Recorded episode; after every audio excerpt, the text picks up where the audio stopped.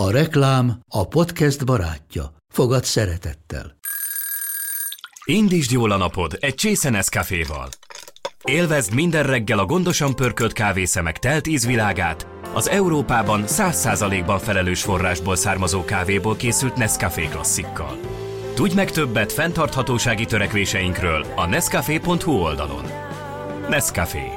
Új lehetőség minden csészében. Ez reklám volt, jó volt.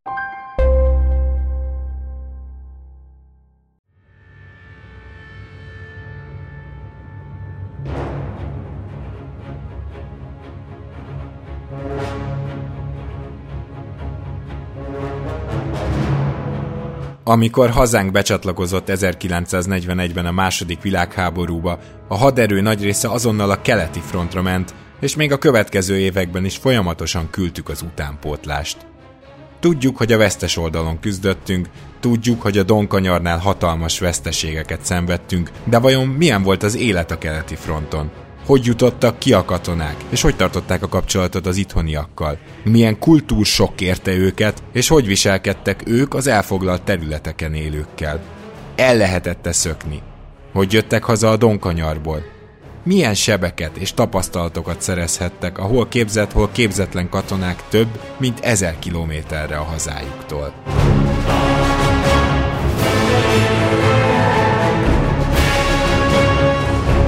Ez az Itt és Akkor podcast.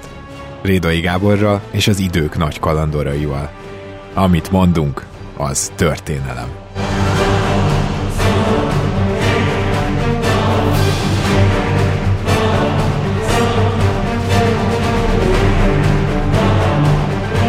Sok szeretettel köszöntünk mindenkit az Itt és Akkor podcastben, a mai adásban. Egy olyan dologgal foglalkozunk, ami azt gondolom, hogy a nemzeti traumáink egyike tulajdonképpen, a második világháborúnak a, a katonáskodása, illetve az, hogy a keleti fronton mi történt ezekkel az emberekkel, akik néha képzett katonaként, néha pedig valószínűleg messze nem képzett katonaként mentek, meneteltek rengeteget, és ugye a Donkanyar az egyik ilyen emblematikus helyszín, amit a mai napig emlegetünk a magyar történelemben, ahol nagyon-nagyon sok hát honfitársunk halt meg, és mondom, hogy honfitársunk, de valójában nagyapáink, dédapáink, nem volt ez még olyan messze. Ezt a témát is mindenképpen szerettem volna feldolgozni, ami jó hír, hogy egy olyan történészt találtam mindehez, aki már pár éve azért foglalkozik ezzel a témával, és rengeteg kutatása van benne. Ez pedig Forri Sákos, aki egyrésztről az történelem segédtudományai tanszéken egyetemi oktató, illetve a Clio intézet kutatója. Ákos, nagyon szépen köszönöm, hogy elfogadtad a meghívást, szervusz! Szervusz, én köszönöm a lehetőséget, és üdvözlöm a hallgatókat. Na, hát azt hiszem, hogy először is egy picit bemelegítésként vagy bevezetésként beszéljünk arról, hogy a második világháborúban gyakorlatilag Magyarország ugye azért nem az elejétől lépett be, hanem egy másfél-két évvel a világháború megkezdődése után lehetett rá számítani, hogy elkerülhetetlen lesz geopolitikai okokból az, hogy belépünk. Meg szeretném kérdezni tőled, hogy az emberek ekkor már készültek arra, hogy a férfiaknak esetleg mennie kell majd, és be kell lépnünk háborúba, vagy mindenki abban reménykedett, hogy meg tudunk maradni ebben a semleges státuszban, illetve a Horti által vezetett ország elit mennyire készült már erre, példának okáért a katonai képzések ilyenkor már ezerrel mentek, vagy pedig azért itt még egy meglepetés faktor is volt, amikor beléptünk a háborúba, és megkezdődtek ezek a bizonyos toborzások. Maga a háborúba való hadba lépésnek a pontos időpontja az természetesen nem előre kalkulált volt, annak ellenére sem, hogyha megnézzük akár különböző diplomáciai iratokat, ott azt láthatjuk, hogy legkésőbb 1941 tavaszán túl folyamatosan érkeznek a hírek arra vonatkozólag, hogy a németek készülnek megtámadni a Szovjetuniót, viszont maga a német vezetés nem vonta be ezekbe a tervekbe a magyar felső vezetést egyfelől tartottak tőlük, hogy onnan kiszivárog, másfelől pedig nem kívánták azt, hogy további területi követelései legyenek Magyarországnak a hadba lépése cserébe. Szóval az volt a taktika, hogyha belép Magyarország, akkor önmaga lépjen be. Maga a haderőfejlesztés azon túl, hogy természetesen 1939. szeptember 1 van egy előbb európai mértékű, majd világmértékű háború, gyakorlatilag már 1938-ban megkezdődik, egyfelől a Győri programnak a meghirdetésével, mely egy átfogó hadsereg, illetve hadsereghez kapcsolódó infrastruktúra fejlesztés jelentett, illetve 1938 őszén sikerül azt elérni, hogy a trianoni békeszerződésben előírt korlátokat azokat eltörjék, 1939. évi második törvénycikke pedig megalkották az új hadkötelezettsége vonatkozó törvényt, mely már előírta a sorkötelezettséget. A honvédséget elsősorban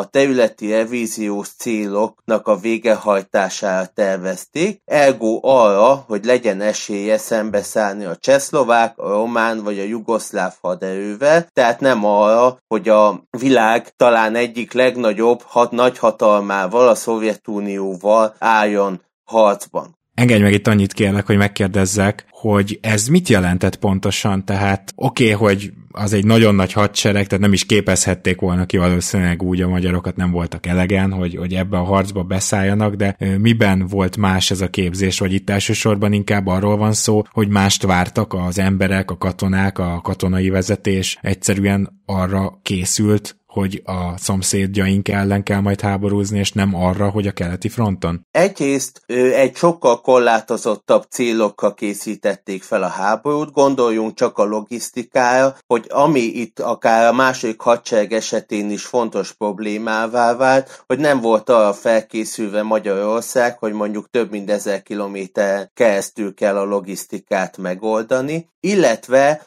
bár maga a bolsevizmus ellenesség, a szovjet ellenesség az egyik alappilléje volt a két világháború közötti időszaknak, ellenné, ennek ellenére maga a katonatisztek köre is elsősorban egy a szomszédállamokkal szembeni háborúban gondolkodott. Ez például akkor mutatkozik meg, hogy amikor 1944. augusztusi román kiugás követően a magyar fél úgy dönt, hogy megtámadja Romániát, akkor a tisztek jelentős része ezt üdvözli, hiszen az a háború következik be, amire őket felkészítették, illetve amit egyébként jogosnak is éreznek, annak ellenére, hogy már az adott katonai szituációban nem volt jelentős értelme ennek a támadásnak, és csak a háborút húzta el. Maga a társadalom nagyon nehéz meghatározni, hogy mennyiben készült fel. Igazából az látszik, hogy egy távoli dolognak gondolta a háború, sok tekintetben egészen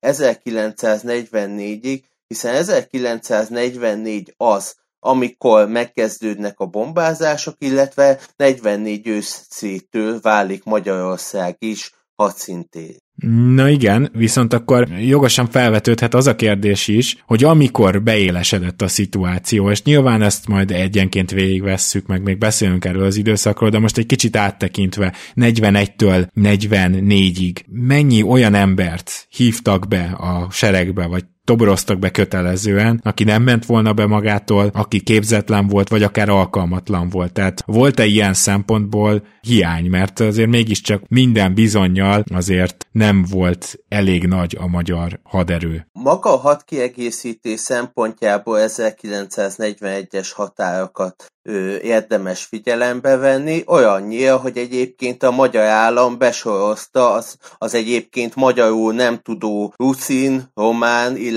szerv népességet, sőt a megszálló csapatoknak az egyes alakulatainál akár az 50%-ot is elérte a nemzetiségieknek az aránya. Maga a képzettség az egy súlyos probléma volt a honvédség szempontjából. Egyfelől maga a trianoni békeszerződés miatt megcsúszott haderőreformok, illetve felfegyverzés miatt nem volt elegendő eszköz a kiképzésekre, és emiatt gyakran azt láthatjuk, hogy különböző komplexebb feladatok ellátására, például mondjuk páncélos erők, illetve gyalogságnak az együttműködését, ezt egyáltalán nem gyakorolták. Másfelől azt is láthatjuk, hogy nem készítik fel gyakran konkrét feladatok ellátására, amilyen lehetett volna számítani, például megszálló alakulatoknál, hogy mondjuk a polgári lakossággal hogyan bánjanak, vagy mondjuk a Donhoz kivonuló ő, alakulatokat arra, hogy mondjuk hogyan építsenek ki műszaki védelmet. Maga a képzettségnél az is meghatározó, hogy 1939-ben vezetik be a sorkötelezettséget. Ez mit is jelent? Hogy gyakorlatilag egy komplet generáció az, akinek nem kellett végeznie korábban nem volt sorállományú személy, tehát nem volt behívva a hadseregbe, Ezeket próba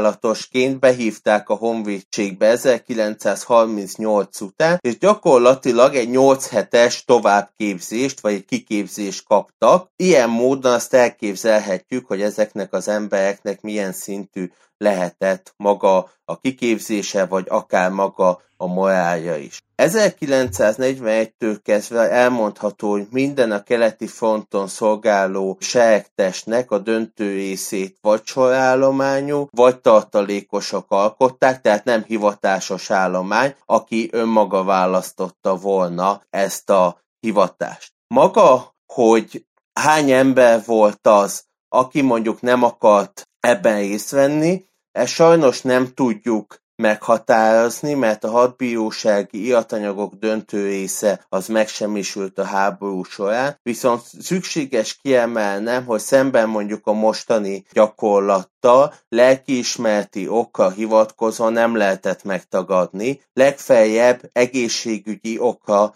hivatkozva lehetett alkalmatlannak minősíteni katonai szolgálata egy szemét, illetve különböző szociális tényezők alapján lehetett azt elérni, hogy az embert ne hívják be. Például ilyen volt a családfenntartás, amely családfenntartószer fakadhatott abból, hogy mondjuk időszülőknek nem volt más gyermeke, aki eltartsa őket, vagy mondjuk három vagy több gyermeke volt egy adott személy. Aha, tehát akkor nem lehetett az bármire ráfogni, de minden esetre volt egy ilyen kifogási lehetőség, de hát akkor így is sejtjük, hogy a nagy részt, aki egészséges volt, és képes arra, hogy hadat viseljen, azt meg is próbálták akkor besorozni. Na most ugye a magyarok úgy mentek ki, hogy tőlünk északra zajlott ez a háború, olyan szempontból, hogy Szlovákián át, vagy a mai Szlovákia területén át, ugye a lengyel területek, illetve észak-kelet fele az ukrán területek, tehát erre fele tudtak menni, hogy becsatlakozzanak a németekhez, akik ekkor már ugye igazából messzebb jártak jóval. Tehát hogy működött ez a folyamat, hol találkoztak a németekkel, illetve akkor már gondolom nem csak németekből állt ott az a hadtest, és hogy fogadták őket a német katonák? Gyakorlatilag a magyar hadvezetés, bár előre szorosan nem egyeztette a hadbalépésnek a pontos időpontját, viszont maga a hadbalépés követően rögtön kiépítette a kapcsolatokat a német féle, tehát német instrukcióra történik meg maga a Kárpát-csoport zömének az átkelése 1941. július 1-én, és ami fontosabb, hogy július elejétől kezdve a magyar csapatok azok német alárendeltségben működnek, általában hadseregcsoportok alatt, de találhatunk olyan eseteket is, amikor kikülönítenek különböző sereg vagy csapattesteket, mondjuk hadsereg, vagy mondjuk német hadosztályparancsnokságok alá. Maga, hogy milyen más haderőkkel találkozhatott a magyar katona, itt alapvetően ki kell emelnünk az olaszokat, akikkel mind 1941-ben a Torino hadosztálya való közös harcok, mind 1942-43-ban a 8. hadsereg kapcsán találkozhattak, mely szomszédos hadsereg volt a második hadsereggel a Donnál, ugyancsak a szlovák alakulatokkal találkozhattak, mivel a szlovák megszállóerők, illetve magyar megszállóerők gyakran egymás mellett vagy egymást váltva foglalkoztatták őket Belorussziában, illetve a megszállt Ukrajnában. A legneuralgikusabb pont az a román hadsereg volt, hiszen itt konkrét érdekellentétek voltak, sőt az is fennállt, hogy egymás hadseregébe szögdöstek át az emberek, amit úgy kell elképzelni, hogy mondjuk a magyar honvédségből szöktek át román nemzetiségűek a román haderőbe, illetve a román hadseregből pedig a magyar honvédségbe. Ez azért illetve... nagyon kemény, tehát nem tudom, hogy erre is fel voltak elkészülve, de, de azért itt azt látjuk akkor, hogy itt igenis közel voltak egymáshoz, illetve akár ilyen keveredések is lehettek. Tehát akkor egy jó nagy, sok nép fiából álló eh, hadsereg ugye menetel Oroszország felé, és elég hamar el is éri azt, de ezt mégis hogy kell elképzelnünk? Például 41-ben hány magyar kelt át a Kárpátokon, és mekkora hadsereg vonult itt át például Ukrajnán? Hogy történik ez a vonulás? Kellett ott már, hogy úgy mondjam, jelentős harcokba bocsájtkozni a magyaroknak rögtön az elején? Maga az 1941-es harcoknál, ha lehet ilyet mondani, a magyaroknak az volt a szerencséje, a Kárpátoknál való átkelésnél, hogy mivel akkor már délről a német és a román csapatok, északról pedig a német csapatok veszélyeztették a Nyugat-Ukrajnában lévő szovjet erőket, ezért fokozatosan vonták hátra a csapatokat a szovjetek, ilyen módon csak utóvédekkel harcoltak maga a Kárpátoknál való átkelésnél. Maga a magyar haderő az kb. egy 90 ezer fős volt, ami átkelt a Kárpátokon, ezért is nem igaz az a sokszor a közvélekedésben megjelenő állítás, hogy csak valami jelképes részvétel volt a magyar haderő évén 1941-ben, hiszen így gyakorlatilag azt az erőt vetették be, amit hirtelen tudtak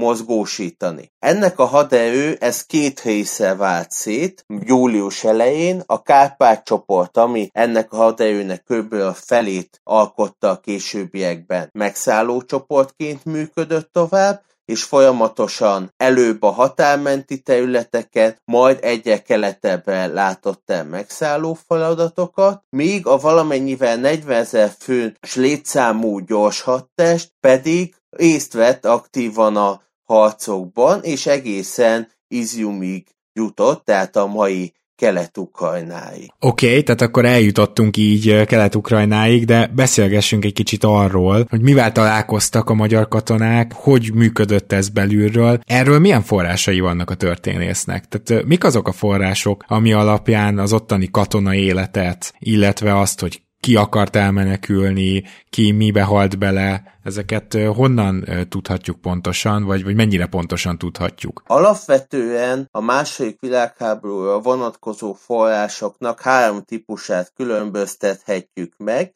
Egyfelől az egykorú katonai források, tehát a különböző parancsnokságok, sereg, illetve csapattesteknek az iatanyaga, ez nagyon nagy mértékben semmisült meg, és nagyon korlátozott képet ad, ezért is van az, hogy számtalan részletkérdése nem tudunk választ adni, például akár dezertálások számára se. A másik, ami például ennek a megélésnek a történetéhez támpontot adhat, azok a különböző ego dokumentumok, személyes források, itt gondolva a naplókra, visszaemlékezéssel, levelezésekre. Itt alapvetően az a nehézség, hogy azon túl szubjektív források, hogy rendkívül egyenetlen, akár a beosztása vonatkozólag is, tehát amíg mondjuk egy tiszt valószínűleg írt naplót visszaemlékezést, egy egyébként mondjuk egy félanalfabéta ő besorozott mondjuk egykori paraszt, az nem örökítette meg ezeket az emlékeket. A harmadik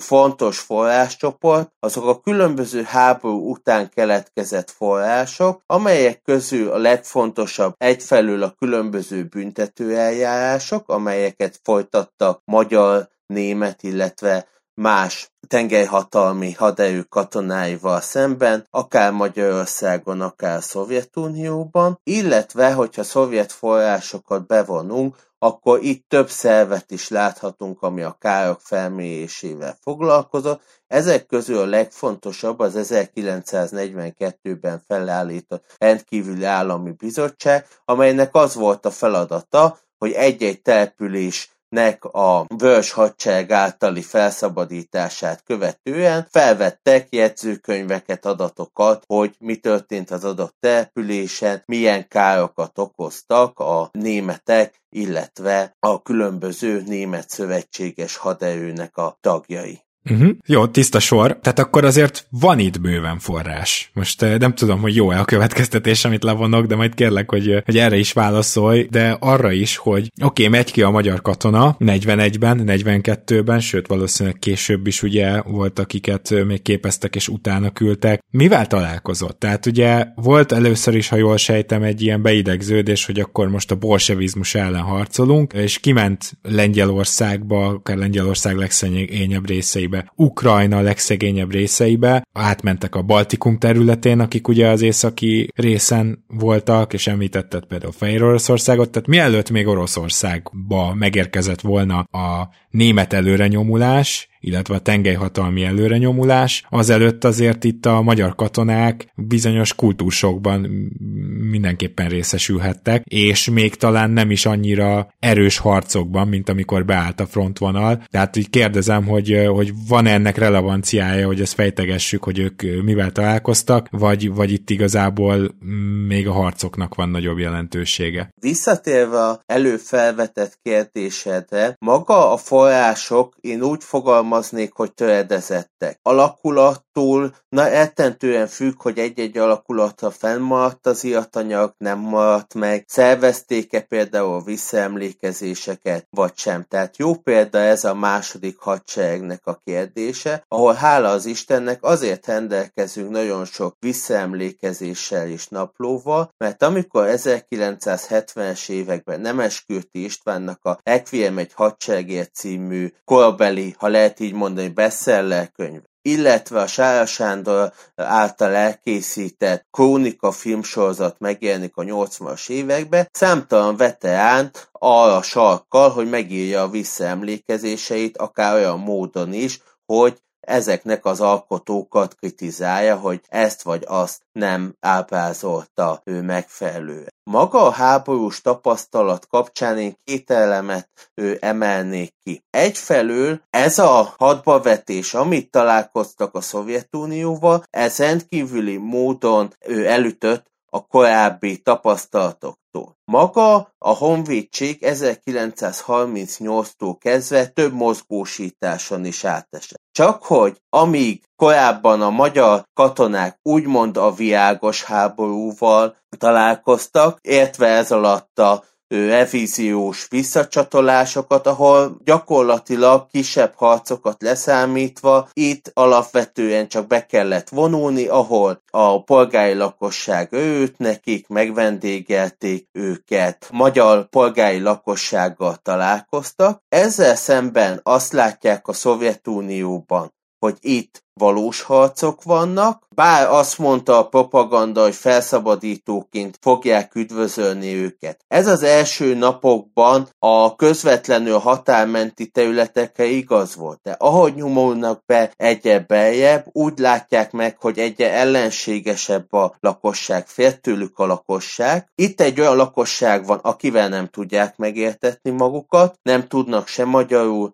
se németül, a különböző szláv nyelveket meg legfeljebb a besorozott ő, szlovák, vagy éppen ruszin katonák értik, és emellett pedig valóban vannak különböző előítéleteik, amely előítéletek egyfelől fakadnak a háborús propagandából, tehát a különböző bolsevizmus elleni képek, tehát például nagyon gyakran látjuk azt kiemelve, hogy mondjuk a templomok hogyan helyezkednek el, a fiatalok, illetve az idősek ellentétét, amelyek ugyanúgy megjelennek ezekben a antibolsevista kiadványokban is. Másfelől viszont ennek van egy mélyebb kulturális gyökere, hiszen megjelennek azok a toposzok is, amelyeket a keleti szláv, ukán, orosz népességgel szemben megfogalmaznak. Tehát, hogy mondjuk ezek a népek lusták, irányítani kell őket, csak az erőszakból értenek, amelyek akár egyébként a mai diskurzusban is meg tudnak jelenni, hogyha mondjuk Kelet-Európáról van szó. Oké, okay, de ugye ez nem segített valószínűleg, hogy a, valószínűleg nagyon gyakran nem városokon átmentek, hanem a legszegényebb falvakon át, és valószínűleg ott ilyet emberekkel találkoztak, tehát ezeket a sztereotípiákat még könnyen rájuk is lehetett húzni. Jól sejtem ezt? Természetesen, hiszen alapvetően egy rendkívüli szegénységgel szembesültek, viszont itt maga a propagandának a része az abban érhető tetten, hogyha például egy adott katona találkozik egy szegénységgel, akkor ez milyen reakciót vált ki. Azt a reakciót váltja ki belőle elsősorban, hogy mondjuk sajnálni kezdi ezeket az embereket, vagy a, azt a következtetés vonja le, amit mondjuk több katonánál is olvasható, hogy mondjuk ezek az emberek lusták, vagy nem tudják őket irányítani. És ilyen szempontból maga Hogyha ezt a kulturális sokkérzést még vizsgáljuk, akkor azt láthatjuk, hogy ennek is több fokozata van. Az első fokozatot jelenti a maga a lengyel területekkel való megérkezés, tehát amely lengyel területek alatt értve akár a főkormányzóságnak a területét, akár mondjuk a frissen később a főkormányzósághoz csatolt kelet-galíciai észeket, ahol a szovjet rendszer még kevésbé volt kiépülve, illetve még egy olyan lengyel lakossággal találkoztak, amivel hagyományosabban pozitívebb képük volt. Hát a itt következő... ugye, a, bocs, csak, hogy a lengyel-magyar két jó barát adásunkban is beszélgettünk erről, hogy például a kokáért a magyar vezetés értesítette a lengyeleket Hitler tervéről, lehet, hogy más fronton is értesültek, de hogy azért ezt a lengyel-magyar barátságot a második világháborúban folyamatosan azért tartotta ez a két nép, tehát akkor gondolom nem túlzok, hogyha azt mondom, hogy Lengyelországban sokkal kevesebb ellenállással találkoztak a magyar katonák, és sokkal jobban megértették magukat. Igen, tehát különböző lengyel területeken ott látható, hogy egy bizalmasabb együttműködés alakul ki, amely abban is tetten érhető, hogy különböző német, illetve az OUN, tehát az ukrán nacionalisták szervezete részéről több panasz is érkezik, hogy mondjuk a lengyel lengyeleket helyeznek pozícióba különböző helyi kollaboránsi, közigazgatási állásoknál. A következő lépést általában azt jelentette, amikor 1939-es szovjet határt átlépik, ahol már egy olyan területe élnek, ahol több mint 20 éve működött a Szovjetunió, tehát ott egy kiépültes szovjet rendszer találkoznak, illetve ott meg is erősödnek ezek a sztereotípiák az ott élőkkel szemben. Az utolsó váltás az talán az ukrán és az orosz területek között látható, mert amíg az ukrán lakosság kapcsán még meg tud jelenni az, hogy a magyar honvédséggel vagy egyáltalán német törekvéssel még szimpatizálhat, az orosz lakosságnál már ez nem tud megjelenni. Már őket egyértelműen egy ellenséges, jobb esetben tartózkodó lakosságként tartják számon.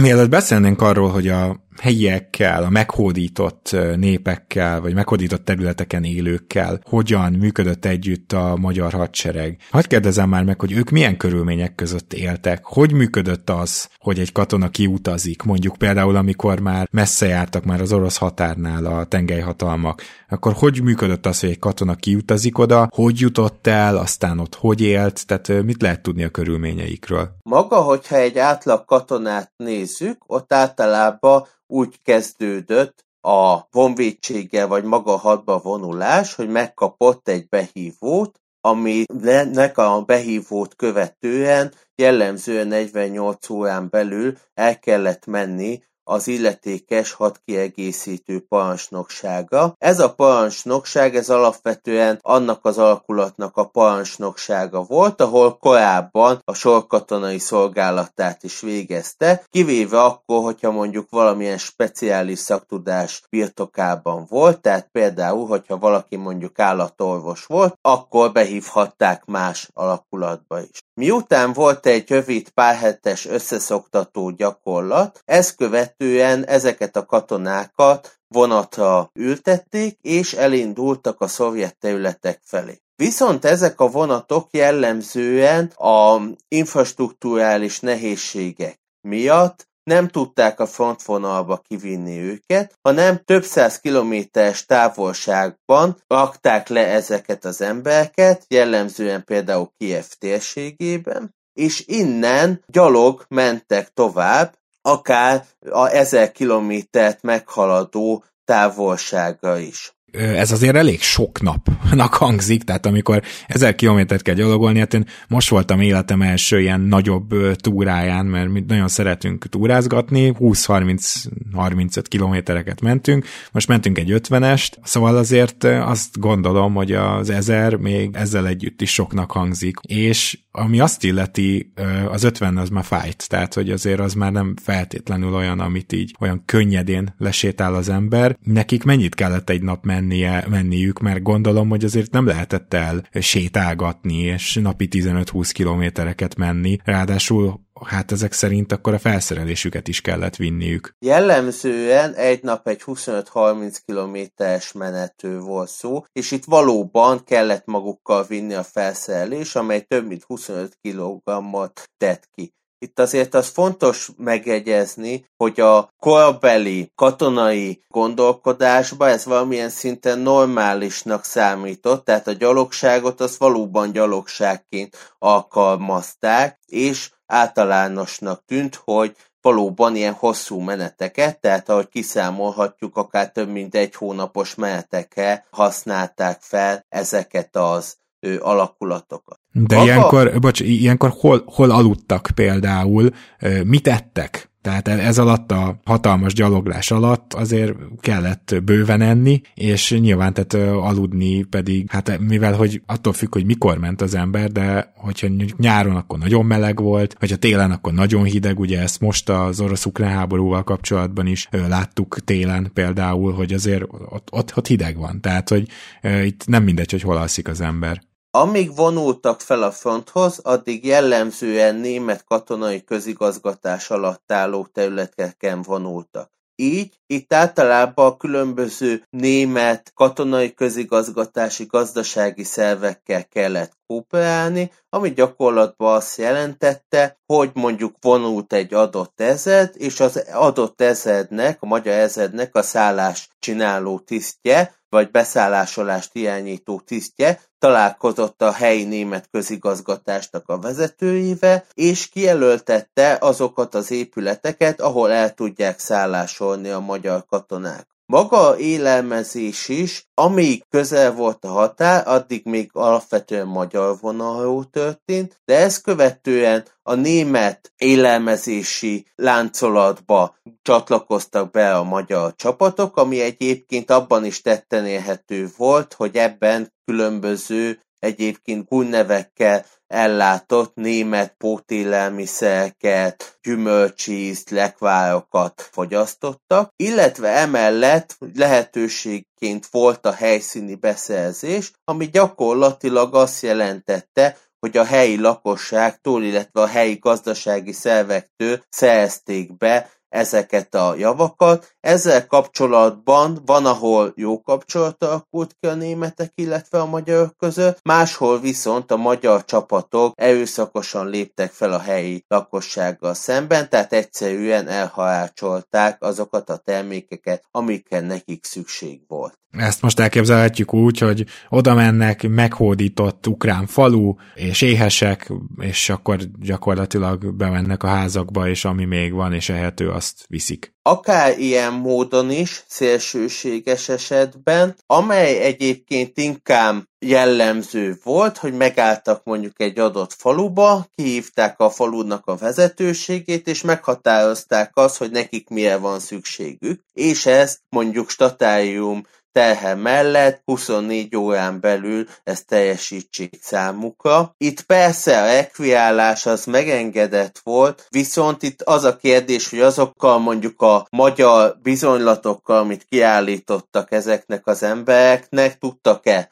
az adott személyek bármit is kezdeni, főleg annak tekintetében, hogy több olyan ügyünk is van, amikor bebizonyosodott, hogy mondjuk magyar katonák hamisítottak ilyen rekviálási papírokat és hamis adatokat ő adtak át a helyiek. Bocsi, hogyha lenne olyan hallgatónk esetleg, aki ezzel nincs tisztában, tehát itt most arról van szó, hogy kiállítanak cserébe egy papírt, amit majd ő később valakinél beválthat, hogy hát ezzel az élelmiszerrel, ezzel azzal hozzájárult ugye a háborúhoz, vagy hozzájárult a katonák ellátásához, és ezért cserébe ő kap valamit, ugye? Ez itt erről van szó alapvetően. Igen, pontosan, tehát ilyen lett volna hivatalosan, viszont hogyha mondjuk ellenséges lakosságként ítélték meg, ami mondjuk például a megszálló csapatoknak a partizán ellenes harcainál volt, akkor gyakorlatilag bármit elkobozhattak. Ezért is láthatjuk azt, akár különböző német jelentésekben is, hogy 1942. január-februárjában a 105. könnyű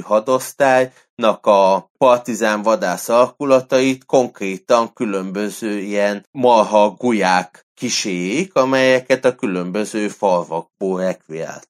Ha nem a háborúról lenné szó, akkor nevetni lenne kedvem, tehát, hogy azért az nagyon komoly lehetett, hogy ott vonultak a marhákkal, de sajnos háborúról van szó, de azt is mondjuk el, hogy ez nem feltétlenül a magyar katonáknak a rossz indulata, és valószínűleg nem is minden kat- magyar katona élt ezzel vissza, ugye? Tehát nem az van, hogy mi itt a, nem tudom, a rossz fiúkat játszottuk a seregen belül, és mi voltunk azok, akik a legszörnyűbb dolgokat csinálták meg a helyi lakossággal, hanem egyrészt a háborúban ez egy bevett, széles körben elterjedt dolog volt, másrészt pedig gondolom, hogy azért voltak olyan katonák is, akik valamennyire megpróbálták megtartani a saját erkölcsüket. Alapvetően ezeket a cselekedeteket inkább a helyzet határozta meg, mint az adott katonáknak, ha lehet mondani, a morális elkölcsösség. A helyzet alatt alapvetően azt értem, hogy számtalan esetben érezhette azt a magyar katona, vagy adott mondjuk magyar alegység vagy egység, hogy ő nem kap megfelelő ellátást, hiszen elhúzódott logisztikai vonalak vannak, illetve nem volt mindig a megfelelő a kommunikáció a helyi német szervekkel sem. Ugyancsak nagyon sok helyen az látszik, hogy a magyar katonáknak van egy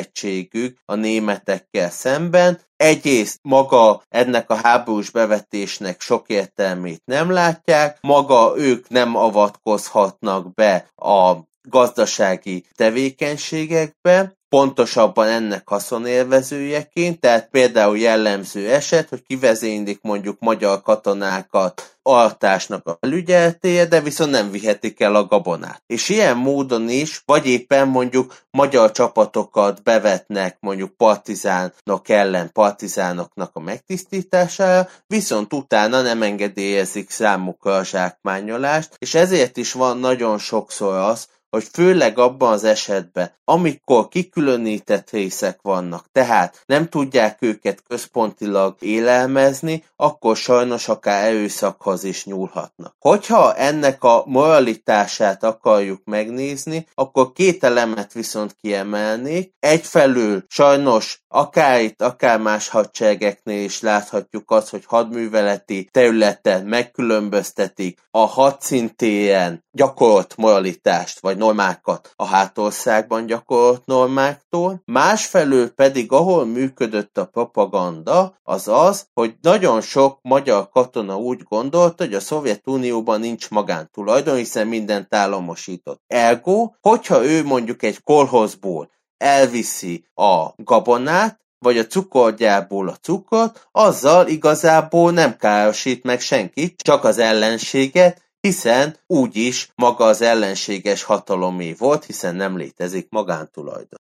Na most gondolom, hogy a gyakorlatban azért nyilván nem tartott még itt a kiépülő szovjet rendszer, és természetesen a helyieknek ez valamennyire még mindig magántulajdonként élt a mindennapjaikban. De még, még egy kérdés akkor talán erről mondhatjuk azt, mert minden háborúban látjuk, hogy a katonákat maga a harcok egy kicsit brutalizálják. Na most a, a magyar kivonulós seregek, főleg akik mondjuk később mentek ki, azok igazi harcokat a frontvonalnál tapasztaltak, akkor talán még ebben az esetben nem történt meg ez a brutalizáció, vagy, vagy nem történt meg ez, hogy, hogy azt érzi, hogy itt minden nap a túlélés a cél, amíg ezekben a harcokban nem keveredett bele. Nagyon érdekes kérdés, hogy honnan számítjuk a brutalizációt annyiban voltak ennek előzetes jelei, vagy olyan tényezők, amik növelheti. Egyfelől maga ez a túra, amíg eljutnak a frontvonalhoz. Ugyanis ezeknél gyakran beszámolnak arról, hogy látnak zsidó munkaszolgálatosokat, és itt nem a magyarokra értve, hanem Lengyelországba, Ukrajnába, akiket a németek foglalkoznak, szovjet hadifoglyokkal embertelen körülmények között, arról is beszámoltak, hogy Lengyelországon áttazva akár deportáló vonattal is. Tehát azzal a borzalom faktorral, amelyet a háború jelent, már találkoztak, amelyek persze sokaknál elborzadást váltott ki, sokaknál viszont elkezdtek hozzászokni ezekhez a viszonyok. A másik, hogy maga az életveszélynek az érzése az nem önmagában a frontvonalnál kezdődik, hiszen már Kelet-Ukrajnától jelen vannak a légicsapások, illetve a partizán támadások, partizánok kisiklatnak különböző vonatokat. Ez egy óriási sok a magyar katonáknak, hogy itt vagyunk a frontvonaltól több száz kilométerre, és ennek ellenére látunk magyar katonasírokat, látunk támadókat, és ez gyakran tudta akár még a frontvonalak mögött is brutalizálni a magyar katonákat. Maga a frontvonal természetesen itt a harcok intenzitásától és jellegétől függött, hogy mennyire történt meg a brutális fellépés, tehát például amíg kiugróan magas volt, a Donnál, a hídfő csatáknál, ugyanis egyrészt itt jelentős veszteségeket szenvedtek a magyar csapatok, másfelől pedig utcai harcba keveredtek egyes településeknél, és ott meg azt tapasztalták, hogy akár polgári személyek is rájuk lőttek, ezt követően sajnos több katona sem tett különbséget polgári személy, illetve szovjet katona között. Igen, a háború borzalmait nehéz felfogni, de a logikai dolgokat értjük mögötte. A másik, ami valószínűleg egy ilyen fél éves, egy éves, másfél éves, vagy még hosszabb katona életet nehezíthetett, és itt még több dologról is beszélünk, de ugye az otthoniakkal a kapcsolattartás az, hogy valahogy megmaradjon annak, aki, akinek elindult, vagy hát aki elindult, az az ember, az, az megmaradjon benne, a katonában. Hogyan lehetett ezt a kapcsolattartást intézni? Nyilván az elején talán nem olyan nagy megfejtés, de amikor már mondjuk több száz, sőt akár több mint ezer kilométerre voltak a hazájuktól ezek a magyar katonák. Hát a legfontosabb kapcsolattartási mód az maga a tábori posta volt. Ez körülbelül egy olyan kilenc nap alatt járt meg egy-egy tábori posta szelvény az utat a keleti frontról ő haza. Ez természetesen az ideális esetben, hiszen hogyha mondjuk mozgott a front, vagy hadműveletek voltak, akkor gyakran akár ő heteket is igénybe vagy, már ha egyáltalán mondjuk működött a tábori posta. Fontos megegyezni, hogy ezek a tábori postán feladott levélszervények, levelek nagyon sematikus információkat tartalmaznak, amik nem abból lehetnek, hogy az adott katonának nem lett volna mit mesélnie, hanem amiatt, mert ezeket cenzúrázták. Tehát tudta, hogy mondjuk a háborúnak a valóságáról, alakulatokról, településekről nem írhat, hiszen akkor cenzúrázzák és nem kapnák meg az otthoniakat, vagy akkor sem küldik haza, hogyha mondjuk panaszkodik az ott lévő. Természetesen ezeken a távoli levelzőlapokon nem fogalmazhattak meg panaszokat, akár a hadi helyzette ellátással kapcsolatban kapcsolatban semmi, ilyen szempontból az ottani viszonyokkal korlátozott forrásértékük van. Sokkal izgalmasabb azok a levelek, amelyeket valamilyen szabadsága menő bajtás csempészet haza, hiszen ott teljedelmesebben illetve részletesebben tudtak és őszintében beszámolni a kinti viszonyoktól. Emellett találkozhatunk a kapcsolattartás speciális formáival is, így propaganda szempontból megjelentek újságokba különböző nyílt levelek, amelyeket vagy az otthoniak írtak a fronton lévőknek, vagy fordítva. Hasonló módon voltak különböző rádióadások is, illetve, ami talán a legsajátságosabb, hogy különböző programot indítottak annak érdekében, hogy fiatal nők, serdülő lányok írjanak leveleket katonáknak buzdító célra, amely buzdítás nem is abban élhető tette, hogy mondjuk különböző ideológiai paneleket kértek volna számon, hanem csak egyszerűen arról, hogy írjanak a mindennapjaikról, például, hogy mondjuk adott esetben nyílik otthon a viág, vagy éppen mi a helyzet a iskolában. Ha, na ez is nagyon izgalmas, és itt elérkeztünk egy másik ilyen témához, ami egy picit így a, a hosszú fronton való szolgálatnak a visszásságai közé tartozik, hogy ezek a katonák így, hogy is fogalmazzak, csak szexuálisan nem túl valószínű, hogy aktívak tudtak lenni, vagy legalábbis, hogyha például otthon várta őket a feleségük, vagy barátnőjük, akkor az meglehetősen hiányzott. Próbálok óvatosan fogalmazni, de hát sajnos a téma, amiben most belecsapunk, az meg egyáltalán nem ilyen óvatosságra ad okot, mert nyilvánvaló, hogy sajnos a második világháborúról mi is emlékszünk arra, mi magyarok, ahogy a megszálló katonák ugye nem bántak mindig kesztyűs kézzel a nőkkel. Ez mennyire volt jellemző a magyar hadtesteknél, találkozni lehetett ilyen jelenséggel, illetve egy másik érdekesség, hogy alakultak-e ki kapcsolatok, és itt most úgy értem, hogy akár mind a két oldal részéről, vagy pedig mondjuk úgy, hogy a megszállt területeken élő hölgyek érdekkapcsolatba kerültek-e katonákkal, mert nyilván ezt is el tudja képzelni az ember. Ez sajnos nagyon nehezen kutatható, illetve megragadható probléma, ugyanis itt nagyon tetten élhető az, az, hogy rendkívül más, hogy emlékeznek-e a katonák, és rendkívül más, hogy a ott lévők. Maga a katonák gyakran beszámolnak arról, hogy volt kint esetleg szelmük, vagy mondjuk más társuknak volt kint szelme. Viszont sajnos német, illetve szovjet források is bár is olvashatunk arról, hogy akár mondjuk magyar katonák követtek el nemi erőszakot az ott élőkkel szemben. Ami kutatásaim alapján inkább szembetűnőbb, hogyha ki is alakultak ilyen szexuális kapcsolatok, tegyük hozzá, hogy a szexuális kapcsolat kialakulásán az nagyon sokban függött a helyzettől, ergo jellemzően a mögöttes területeken lévő különböző ellátó alakulatok, parancsnokságoknak a személyzete tagjai tudtak ilyet kialakítani, hiszen az arcvonalban alapvetően nem volt polgári lakosság, mert jellemzően kitelepítették onnan. Visszatérve, maga ezeknek a kapcsolatoknak a döntő része az valóban különböző kiszolgáltatottságokra alapultak. Tehát például mondjuk egy helyben élő nőnek Azért volt érdemes kapcsolatot kialakítani mondjuk egy magyar katonával, mert az tudta biztosítani az élelmezést, vagy tudta biztosítani a védelmi más katonákkal szemben. Nagyon nehéz azt meghatározni, hogy ezeknél a kapcsolatoknál, ahol volt egy ilyen része is ennek a kapcsolatnak, hogy mekkora volt a érzelmi töltet, illetve egyáltalán volt-e bármilyen érzelmi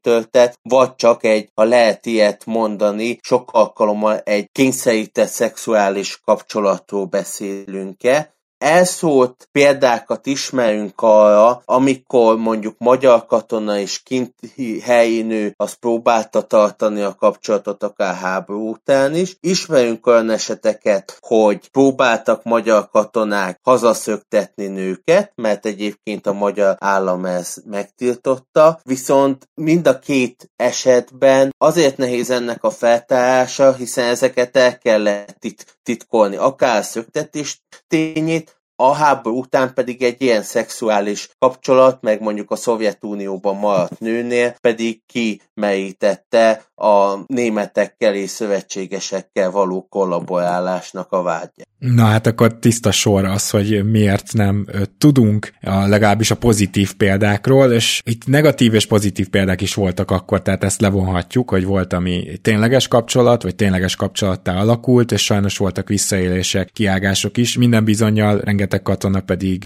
megpróbált hű maradni, hogyha mondjuk volt otthon családja ahhoz, tehát bizonyára erre is van példa, de akkor nem túlzás azt kijelenteni, hogy ezeknek a katonáknak a frusztráltsága, hogy itt egyik cikketben írod a, a szerelem hiányára sokan hivatkoznak, tehát ez, ez azért megjelent ott a fronton, megjelent ebben a szolgálatban, illetve lenne egy másik kérdésem is ezzel kapcsolatban, vagyis nem teljesen ezzel. Mm, említetted itt a szöktetéseket, de, de egyébként is elég okuk volt ezeknek a katonáknak, főleg akik képzetlenebbek voltak, főleg akik úgy mentek a háborúba, hogy nem érezték azt, hogy ők, nekik ott kéne lenniük. Elég sok indokuk volt valahogy innen vagy megszökni, vagy leszerelni ezt. Milyen indokkal lehetett megtenni? Volt-e, aki megsebesítette saját magát például, vagy nem beszéltünk még arról, hogy a szélsőséges időjárási körülmények, de hát ugye ez is egy faktor volt, és ha jól sejtem, akkor például fagyási sérülések konkrétan voltak, sőt,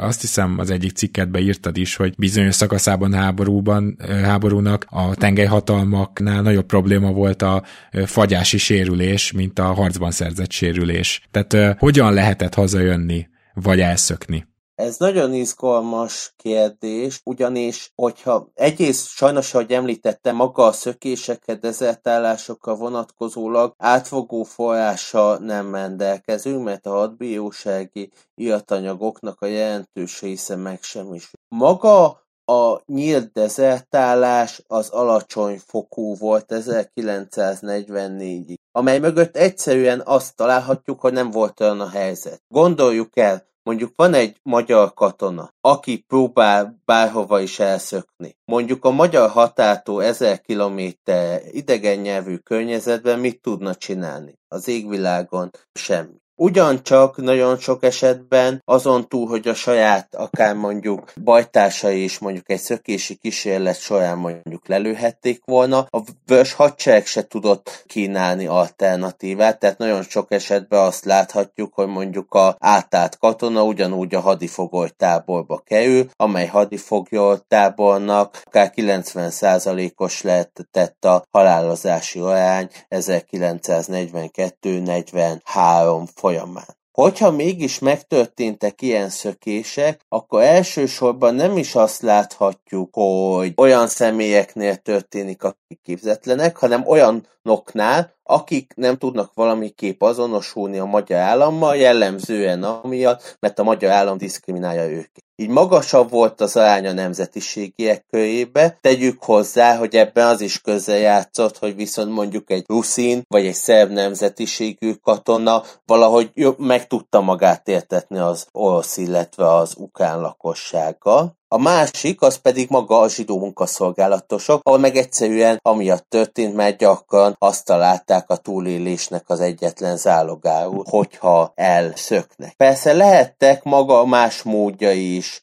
a szökésnek. Vannak öncsonkítási esetek, sajnos azt nem tudjuk, hogy az öncsonkítási eseteknél mennyi volt, ami ha lehet mondani sikeres, amit nem fedeztek fel. Viszont voltak már az első világháborútól kezdve olyan módszerek, mint például akár fagyási sérülés szándékosan, vagy különböző más jellegű megbetegedések, Fontos viszont, hogy ezek a könnyebb sérülésekkel jellemzően nem küldték haza az embert, hanem csak egy hátsó tábori kórházba, de tegyük hozzá, ez is sokszor mondjuk életet menthetett, tehát hogyha mondjuk valaki a második hadseregnek a 1943. januári összeomlása előtt sikerült mondjuk a mögöttes területekre kerülni, az jóval nagyobb arányban élhette túl, mint ha mondjuk front alakulatban marad. Ugyancsak még feltáratlan ennek az aránya, de ami még gyakori eset, hogy mondjuk valaki hazamegy szabadsága, és szabadságról nem jön vissza. És ilyen esetben próbálják kerestetni, van, amikor siker, van, amikor viszont ő kisebb siker. Maga a leszereltetésnek a kérdése az elvileg, amikor az ember megkapta a behívó parancsot, ennek engedelmeskedni kellett. Ahol inkább lehetett játszani ezzel, az egyrészt, hogy kit hívtak be. Ez sokszor maga a szociális körülmények, illetve akár különböző ilyen nemzetvédelmi körülmények, például mondjuk tűzkereszt birtokosának a fiáról van szó. Emellett gyakran közrejátszott különböző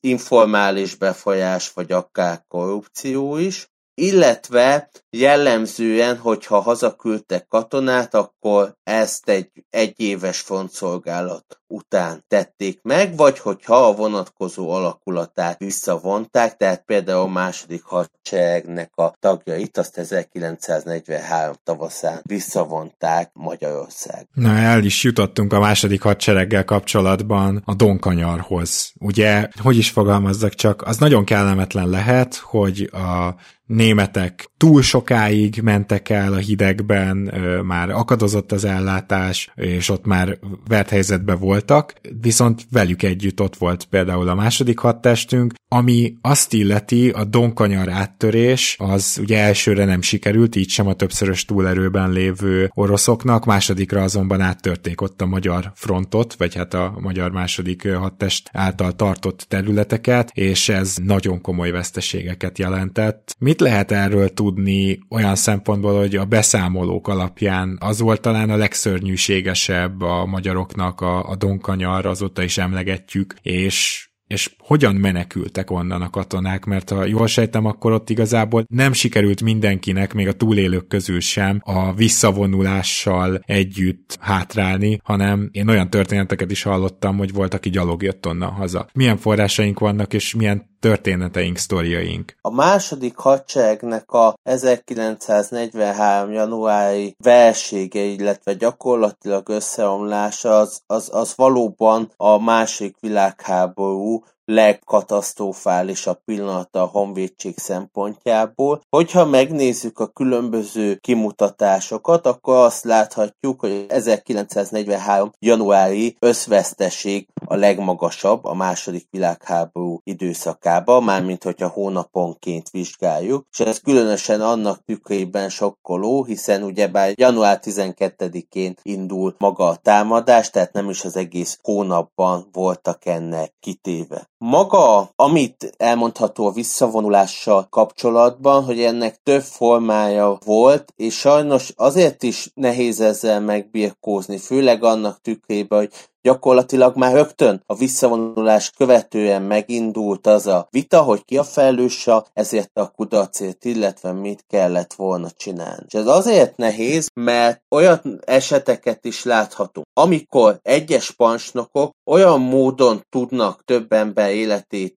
megmenteni, hogy fenntartják a különböző alakulatokat, nem engedik, hogy szétessenek, viszont ennek az az ára, hogy nagyon sokszor németekhez kell igazodni, és maga a németek is gyakran hátvédként is használhatják a magyar csapatokat. Ezzel szemben mondjuk a harmadik hadtest parancsnoka, Stommarce viszont azt rendeli el, mivel kilátástalannak látja azt, hogy a németekkel együtt harcolva tudjon visszavonulni, hogy kis csoportokba próbáljanak a magyar katonák átjutni a német kőn. Ez Többeknek sikerül, egyébként pont magának Stom Marcelnek, valamint parancsnoki karának nem sikerült, és ők szovjet hadifogságba estek. A visszavonulás azért volt még maga a szovjet támadások mellett rendkívül nehézségekkel teli, ugyanis nem volt kiépítve hátul a logisztika, vagy ami létezett, az is összeomlott, jellemzően amiatt, mivel a magyar hadsereg jó részt lóvontatású volt, és ezek a lovak, amelyeknek mondjuk az ágyúkat, felszerelést kellett volna hátra vonnia, ezek jelentős része a hátsó területeken különböző lópihentető állomásokon pihentek, tehát nem voltak arra felkészülve, hogy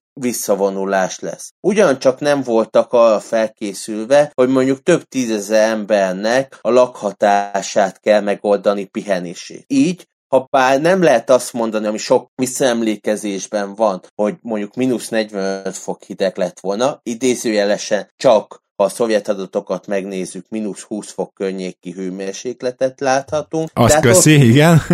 tehát ott is nem kell mondani az, hogyha akár csak a saját tapasztalatunkat is nézhetjük, akár fagypont körüli hőmérsékletet is az ember megérez, hogyha kint van nyílt színen, itt meg napokat, akár heteket kellett ilyen körülmények között lennie a katonáknak.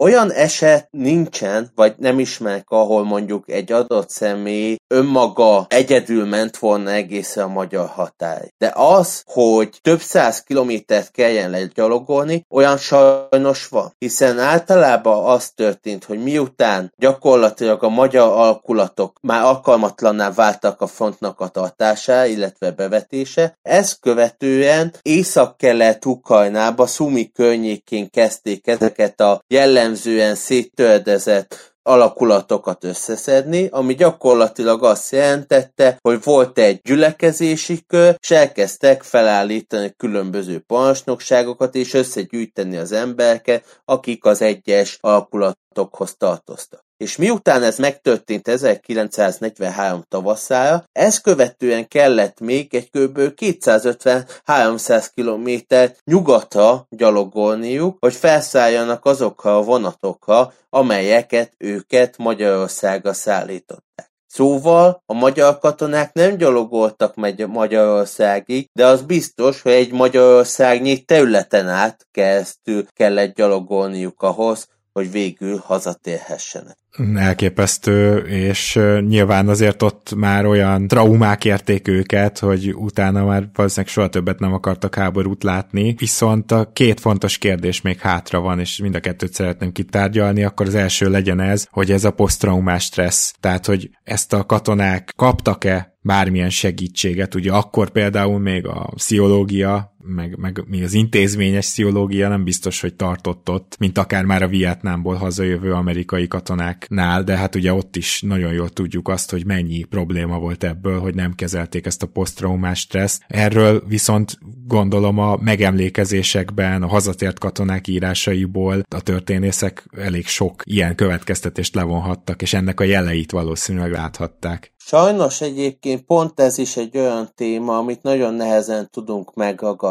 Hogyha megnézzük a korbeli egészségügyi szervek parancsnokságok kiadatait, akkor azt láthatjuk, hogy sajnos a magyar kormányzat nem foglalkozik ezzel. Ugyancsak nem merül fel problémaként az, hogy mondjuk olyan emberek, akik egy éven keresztül a keleti frontnak a viszonyai között vannak, hogyan kellene beintegrálni a társadalomban. Jellemzően csak egészségügyi problémaként tekintettek rá, amelynek az egyik legmegalázóbbnak érzett része volt az, hogy miután elérték a magyar határt, ezeket az alkulatokat három hetes vesztegzárba zárták annak érdekében, hogy nehogy valamilyen kórokozót, járványt hozzanak be Magyarországra. Maga ennek a stressznek a elemeit, maga a háború pszichózist általában olyan módon találhatjuk meg, hogy beszámolnak bajtársakról. De sajnos olyatnal én nem találkoztam, ahol mondjuk egy ilyenen átesett ember számolna be. Illetve ahol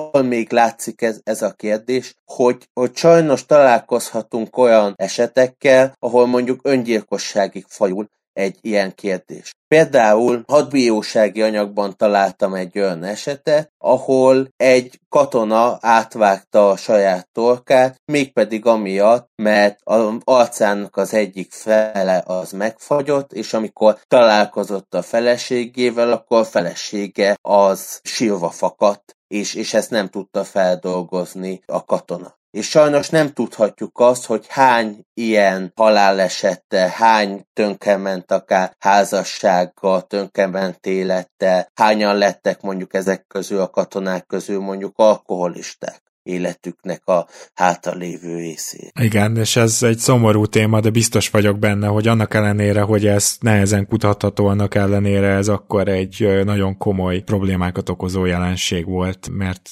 gyakorlatilag minden modern háborúban is ez történik. Akkor még rosszabb volt a helyzet, legalábbis például a sziológiai kezelés szempontjából mindenképpen. Még akkor egy kérdésem van, hogyan fogadták őket, ugye említetted ezt a három hét karantén, tényleg megalázó lehetett, és valószínűleg a családjuk jól fogadta ezeket a katonákat, ugyanakkor nem minden katonának volt itthon családja, nem mindenkit várt egy feleség vagy egy barátnő, és ugye az már az első világháborúban is problémát jelentett, hogy a hazatérő katonák bizony néha nem is akartak beilleszkedni a társadalomba, és ez nyilvánvaló, hogyha vannak ilyen esetek, és, és az olyan a katona, és még fosztogat, vagy rabol, vagy, vagy nem csinál semmit, az sztereotípiákat is elterjeszthet arról, hogy hát na jó, hazajött katona, akkor ő már használhatatlan. Tehát ilyen szempontból kérdezem társadalmilag is, hogy mennyire találkoztak befogadással a családjukon kívül. Hát maga a befogadás az egy ilyen instrumentalizált aktus volt. Tehát általában a Westexile után az adott települése, ahol volt mondjuk az adott ezernek vagy zászlóajnak az anyatelepülése, ott volt egy ünnepség,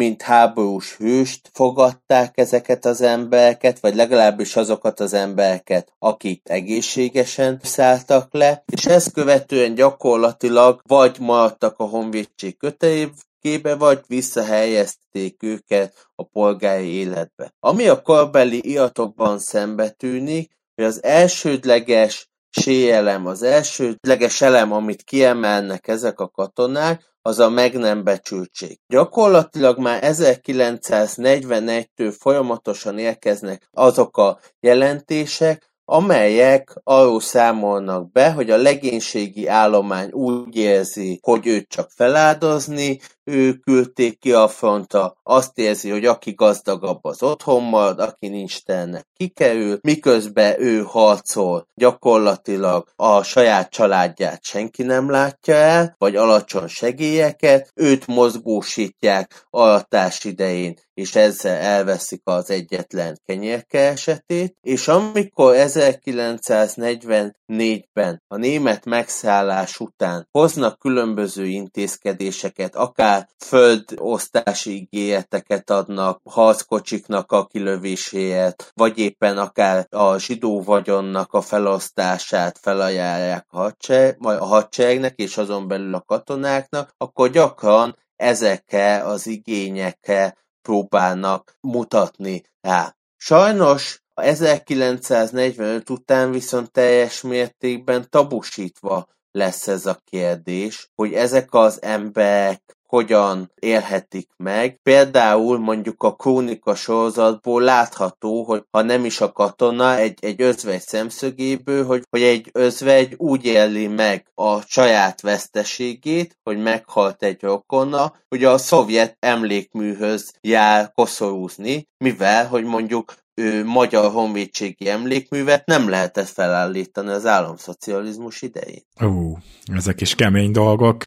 Legvégül lenne bármi olyan könyv esetleg, vagy már ugye említettél egy ilyen filmet, vagy sorozatot, de lenne olyan könyv, amit ajánlanál. Nyilván vannak olyanok is, akiket alapból is érdekel a téma, de azt gondolom, hogy nagyon sokan vannak azok is, akik tudhatják azt, hogy a családjuk mondjuk nagyapjuk, dédapjuk részt vett a keleti front háborúzásaiban, túlélte, vagy akár nem élte túl. Van-e olyan könyv, amit így mindenkinek tudnál ajánlani a témában? Ami talán a legjobb, illetve legérzékletesebb képet adja a háborúról, az a Somorjai Lajosnak a naplója, aki egy katonaorvosként volt a Donkanyarnál. Ha a Donkanyarra fókuszálunk, akkor amit említenék, az egyfelől Szabó Péternek a munkássága, aki több mint egy 600 oldalas monográfiát írt, maga Pihuik Judit meg egy monográfiában szólt arról a képről, ami kirajzolódik a donkanyalt megjárt katonák nap naplóiból. Hát akkor ezt nagyon köszönjük, köszönöm a hallgatók nevében is, és Forris Ákos, nyilván ez nem feltétlenül a legvidámabb téma, ugyanakkor a komoly témákat kellő komolysággal kezelve is érdemes kibeszélni, és érdemes átbeszélni, és nagyon szépen köszönöm, hogy ezt megtetted velem, és köszönöm a szakértelmedet. Én köszönöm a lehetőséget. Kedves hallgatók, nektek pedig azt köszönöm, hogy ismét velünk tartotok, de most búcsúzunk. Rédai Gábor az egyik, aki elköszön, ezen kívül a segédszerkesztő Katona Csaba, valamint producer párosunk Hampuk Rihárd és Román Balázs. A jövő héten is érkezünk, de addig is, amit ma mondtunk, tudjátok, az már történelem. thank you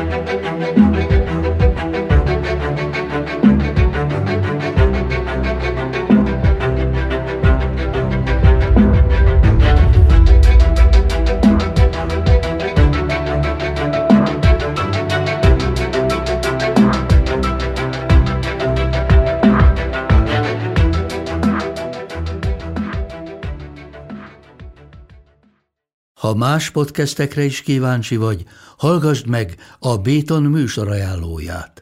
El tudod képzelni, hogy a podcastet, amit éppen most hallgattál, fél év múlva már a mesterséges intelligencia generálja? Mi sem. De ha érdekel, eljött már a gépek lázadása. Hallgass bele az Embertelen podcastbe. Orsós Lajos vagyok, a műsor házigazdája. Egyelőre még élőben. Egyelőre. Fedezzük fel együtt, hogyan ismerkedik, randizik, mesél és vitatkozik Betty és Péter, két teljesen mesterséges intelligencia. Lajos, a podcast címét mond még egyszer, Léci. Oké. Okay. Embertelen podcast. Ez egy Béton podcast.